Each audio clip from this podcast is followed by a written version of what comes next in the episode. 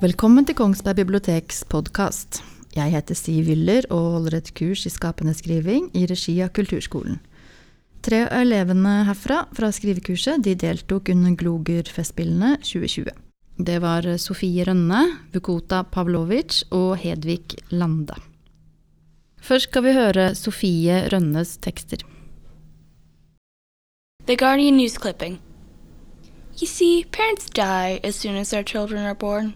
It's a sad reality, but it's the reality we must live in. All the doctors who could have made a cure for this mysterious illness have already succumbed to it.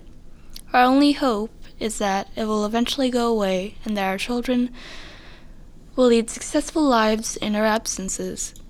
Snake populations are dwindling, so let's hope our children find a way. In the lacking of cures, however, we have found temporary solutions. A wise snade of the name Declan Cloys has found a method for caring for the orphan children.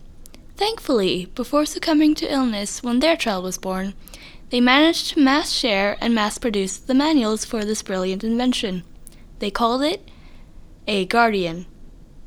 A guardian is there to, well, guard, obviously, but they're also there to calm, to nurture, to take care of the children under their care.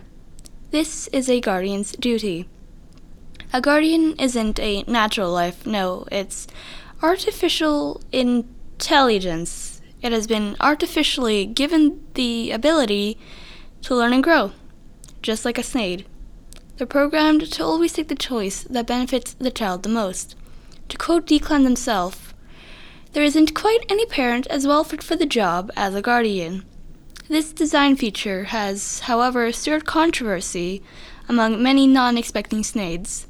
One of the snades in this group, Glass for Class, said the following That in a child's uh, best interests may not be in the best interests of the greater number of lives surrounding them. However, Glass for Class and like minded snades have been greatly ignored, and the production of Guardians has been boosted by 230% its original yearly quantity since famine last year. The Ideal Experiment French Ambassador Star Justerson has decided to inquire to perform an experiment with the purpose of getting a digestible understanding of the inner workings of lava. In this experiment, he has outlined that he will first acquire his lava from the active volcano of Glostenberg in western Germany, which is famous for its glowing particles. This feature is essential for the experiment. Then he has planned to borrow seven of the horses of nearby German farmers to tow the fiery liquid in a two meter tall custom cauldron on four wooden wheels and transport it back to France. It may come to no one's surprise that he has not yet received the king's permission to perform this. The Hollow Rock. I opened my eyes to a sky full of tiny lights. I could feel something cold and hard under my fingers, and I recognized where I was. I was in the big hollow rock with the hole to the skylights. I think my guardian called it an asteroid, but they went into the black hole a while ago along with my friends. I wish my friends were here. No, I don't. I wish I was back at home with my guardian and my friends instead of this big rock. This big rock is cold and hard and bad. There's no friends and no guardian, and I'm lonely. I'm bored of looking at the tiny lights. I I want a friend again. If anything, here's my wishes. Give me a friend. I would really, really like a friend. Og nå får vi høre Vukota Pavlovic. Krigen som aldri stopper. Jeg våkner midt på natta. Jeg svetter overalt. Jeg drømte noe forferdelig, men jeg husker ikke hva. Jeg ser meg rundt. Mine krigskamerater sover.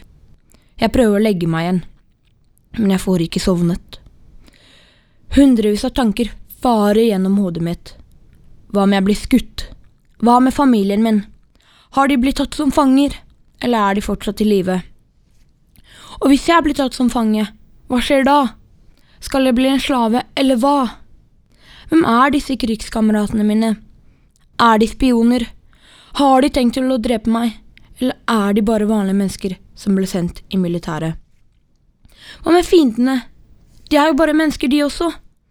Hvorfor vil lederne i land at vi vanlige mennesker skal krige? Kan ikke heller spille kort eller noe for å bestemme hvem som vinner hva? Mye bedre enn at millioner av mennesker skal dø. Hva med å møte bestevennen min, som kriger for det andre landet? Vi står ansikt til ansikt, med gevær mot hverandre. Hva gjør vi da? Skyter vi hverandre, eller skal vi bare gå vår vei? Jeg står ute i gjørmen. Det er livsfarlig i en krig som denne, men jeg gjør det uansett. Alt er helt mørkt. Man kan ikke se skudd i distansen eller noe. Alt er bare helt mørkt og rolig. Vanligvis om natta er det veldig mye lys, fordi skudd og kanoner blir fyrt av. Men ikke i natt. I natt er alt bare helt mørkt og rolig.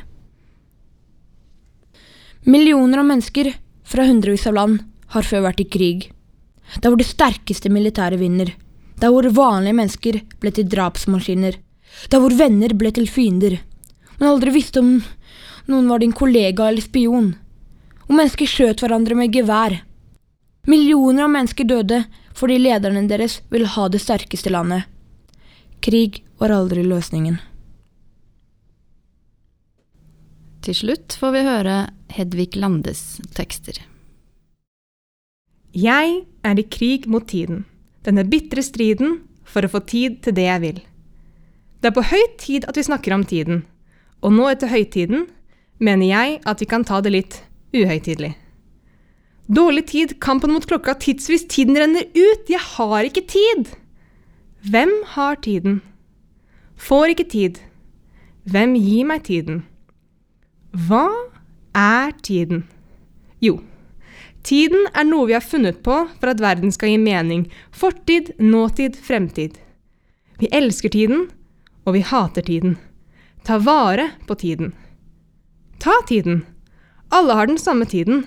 Alle har 24 timer i døgnet, 1440 minutter og til 6400 sekunder fra midnatt til midnatt. Men nei! Jeg bruker ni av timene mine på å sove. Han bruker bare fem. Jeg må slite på skolen fra åtte til fire, mens hun slutter tidlig. Jeg har mindre tid enn andre. Den beste tiden er fritid. Fri tid. Tid til å være fri. Men tiden løper fra meg. Bare ti minutter. Jeg setter meg ned og tar opp telefonen. Ti minutter er mye tid. Hvor ble tiden av? 10-20-30 minutter har gått løpt vekk! Hvor ble den av? Bare ti minutter. Jeg jobber litt til, gjør én oppgave. Ti minutter går fort. Ett minutt går. Det er som om tiden har stoppet, frosset fast. Hvem frøs tiden? Frysetiden. Bli i øyeblikket. Om det bare var mulig å stoppe i fritiden og bare være der litt. I den frie tiden uten tidsfrister og tidspress. Vi har bare den tiden vi er gitt, det må vi bruke fullt ut. Jeg er i tidsklemma, tiden presser meg.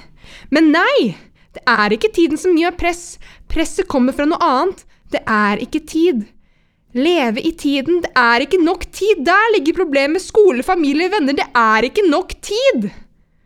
Ikke mange nok timer til å få til alt.